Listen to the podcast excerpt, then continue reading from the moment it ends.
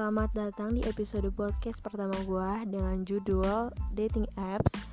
Di sini gue bakal bahas semua pengalaman-pengalaman gue dan tentunya teman-teman gue juga. Dan dimohon perhatiannya karena di sini bakal banyak mengandung unsur LGBT. So, enjoy.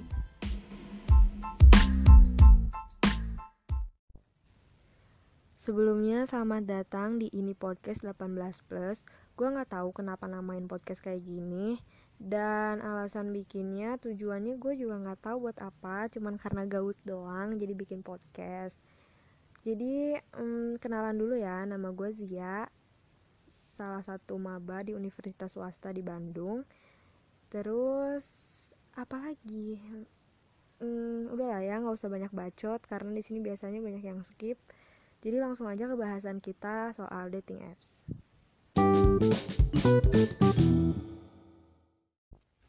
dating apps. Apa itu dating apps? Dating apps adalah aplikasi kencan. Gue yakin sih lo semua udah pada tahu kalau aplikasi itu bisa digunain lo buat ketemu sama orang-orang yang lo cari. Jadi e, dimulai dari alasan-alasan orang-orang kenapa main aplikasi ini. Kalau gue pribadi sih karena gabut aja. Gue gabut banget sih, gak tahu mau ngapain dan ya udah gue main aplikasi nyoba-nyoba. Uh, apa ya? Gue juga ya sih nyari pacar sih ya tapi gue yakin sih nggak semua orang main aplikasi kencan buat cari pacar. Jadi banyak alasan orang main aplikasi kencan tuh misalnya kayak uh, nyari pacar ya nyari temen hidup nyari istri nyari suami mungkin ada.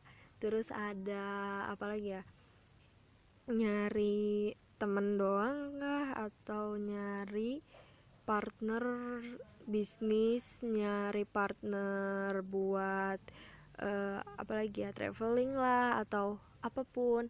Ada juga sih yang lumayan ekstrim kayak nyari FWB friends with benefit one night stand. Terus ada juga yang sampai nyari partner buat main di kasur bertiga. Ah apalah itu banyak macem-macem. Uh, jadi nggak cuman buat nemuin lo sama pasangan hidup lo tapi berbagai hal berbagai macam orang yang luas banget lo bisa temuin dari aplikasi kencan. Ya kan? Nih orang-orang yang pada main aplikasi kencan jangan ngaku-ngaku aja nih. Terus apa lagi?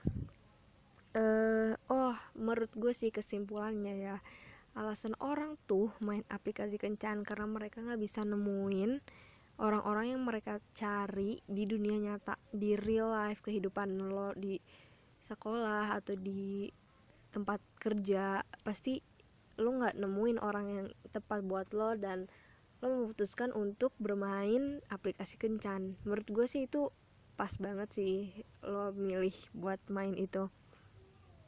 Gitu misalnya nih kayak gini nih uh, lo mau nyari uh, orang yang orientasi orientasi seksualnya tuh sama kayak lo. Dan kalau di dunia nyata tuh pasti susah nyarinya kayak apa ya nggak kelihatan lah kalau dia itu punya orientasi seksual yang sama kayak lo.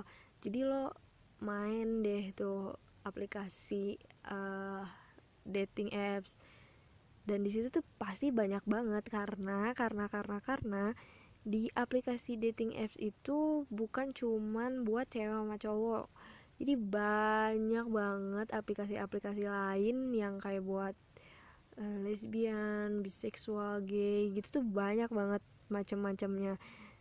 Dan ya udah pasti lo bisa sih nemuin walaupun walaupun nih ya pengalaman gue susah banget banget banget banget buat nemuin pacar atau pasangan hidup yang kayak gitu karena gue belum pernah sih sama sekali belum pernah dapat pacar dari aplikasi kencan.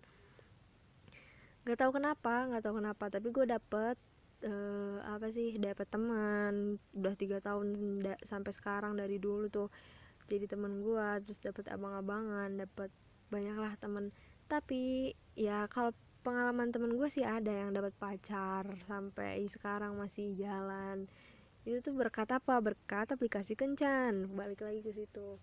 Dan ya udah ya udah gitu. Apalagi ya? Oh ini apa? Pengalaman pengalaman pengalaman gue ketemu orang ketemu orang dari aplikasi kencan. Pengalaman gue nggak terlalu banyak sih tapi ya hampir sering lah kalau dibilang sama teman-teman gue yang lain.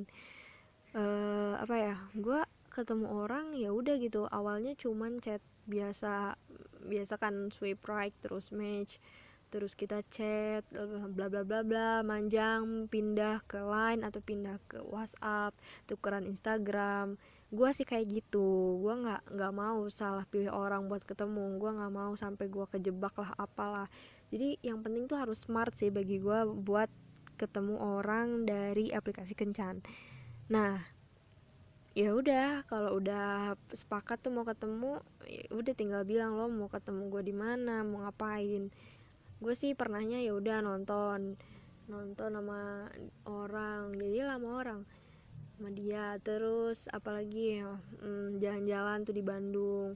Ada tuh yang sampai dari Jakarta ke Bandung buat ketemu gue doang. Ya udah gue temenin jalan-jalan tiga hari di Bandung.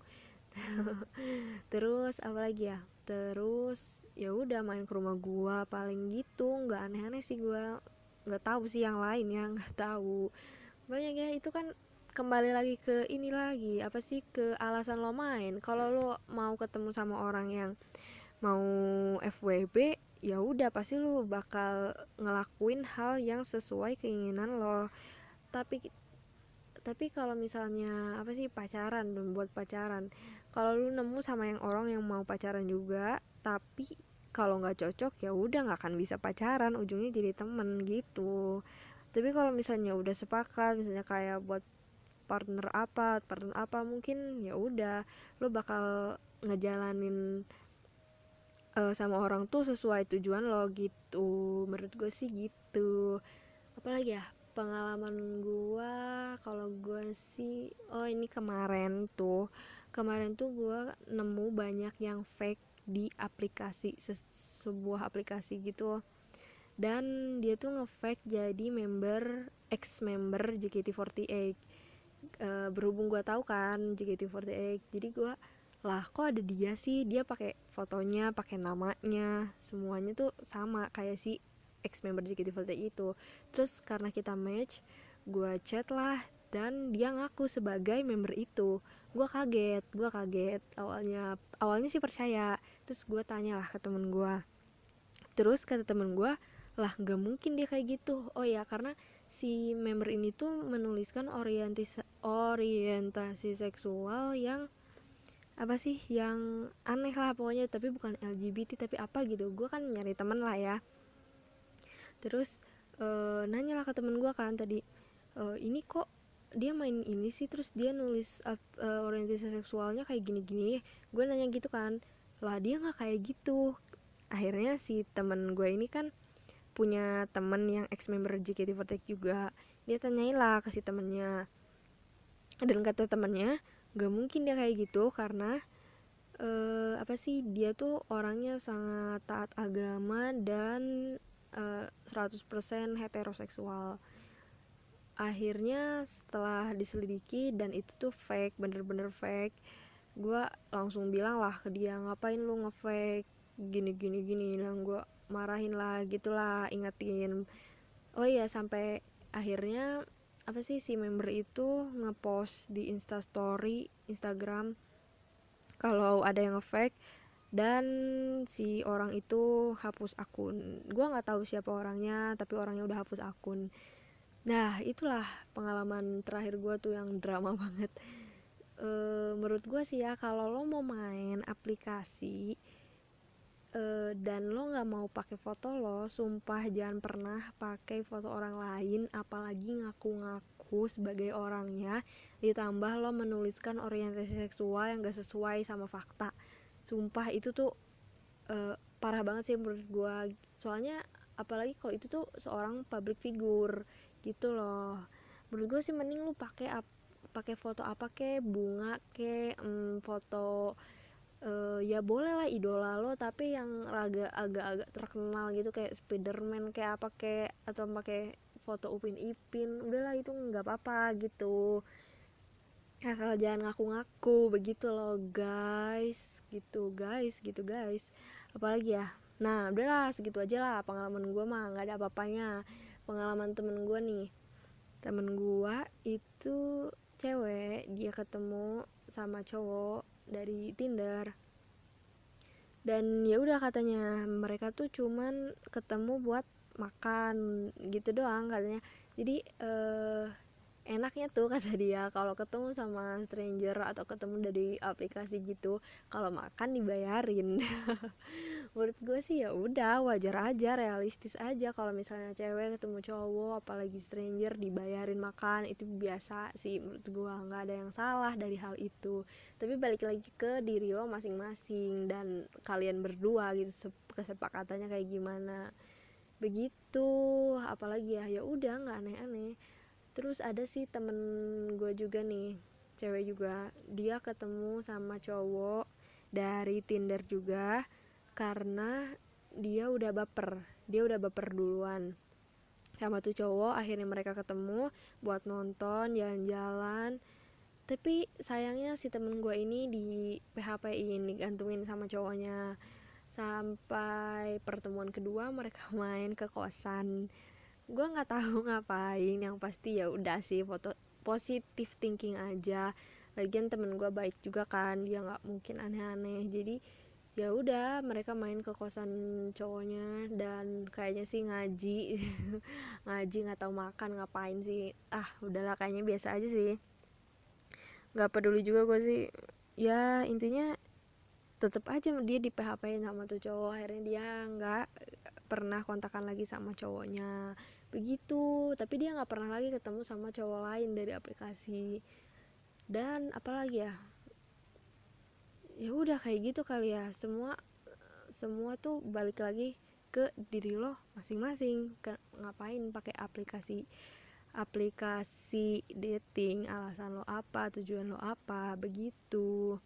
Dan e, menurut gue sih ya lo bisa ketemu sama orang yang satu tujuan sama lo tuh bisa dilihat dari bionya. Kalau gue sih kayak gitu.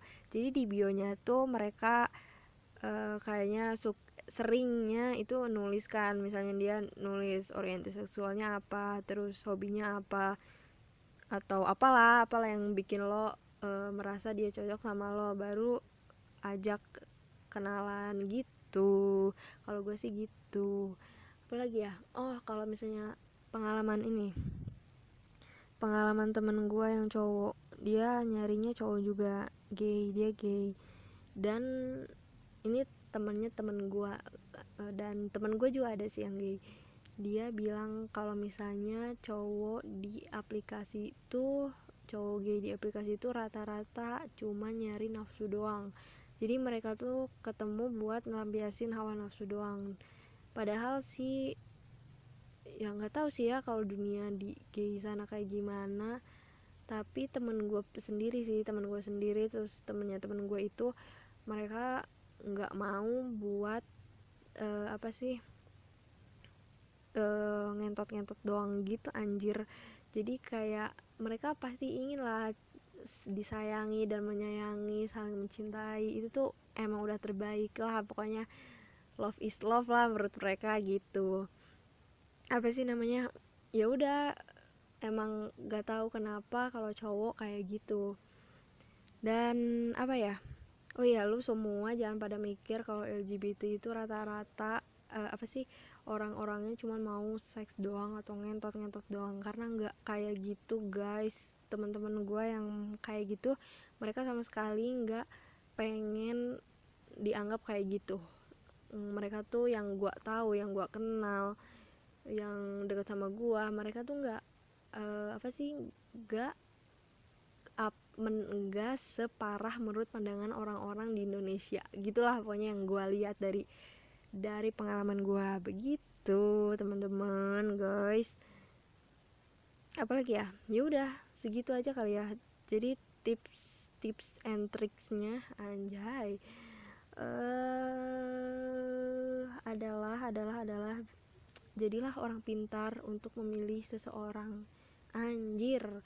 Pokoknya lu pilih orang dengan pintar agar supaya anda semua tidak dibodohi dan tidak dimanfaatkan dan tidak diculik atau apa pun.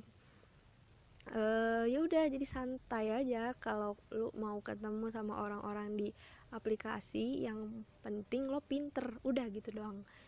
Udah ya gue bacot banget anjir. Sebenarnya ini tuh udah dibikin kemarin dan udah ada 15 pendengar pertama tapi setelah dipikir-pikir dan dikritik gitu uh, harus ada yang direvisi dan ini adalah revisinya guys. Begitu teman-teman semua.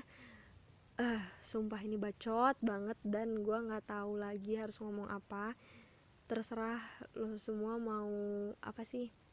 Lanjut denger buat episode berikutnya atau enggak karena gue yakin itu GJ banget anjir. Ya nggak sih guys? Udahlah ya jadi ditunggu kritik dan sarannya. Ya begitu. Ditunggu kritik dan sarannya. Terima kasih buat kalian semua yang udah denger sampai akhir. I love you guys. I love you so much. Muah bye bye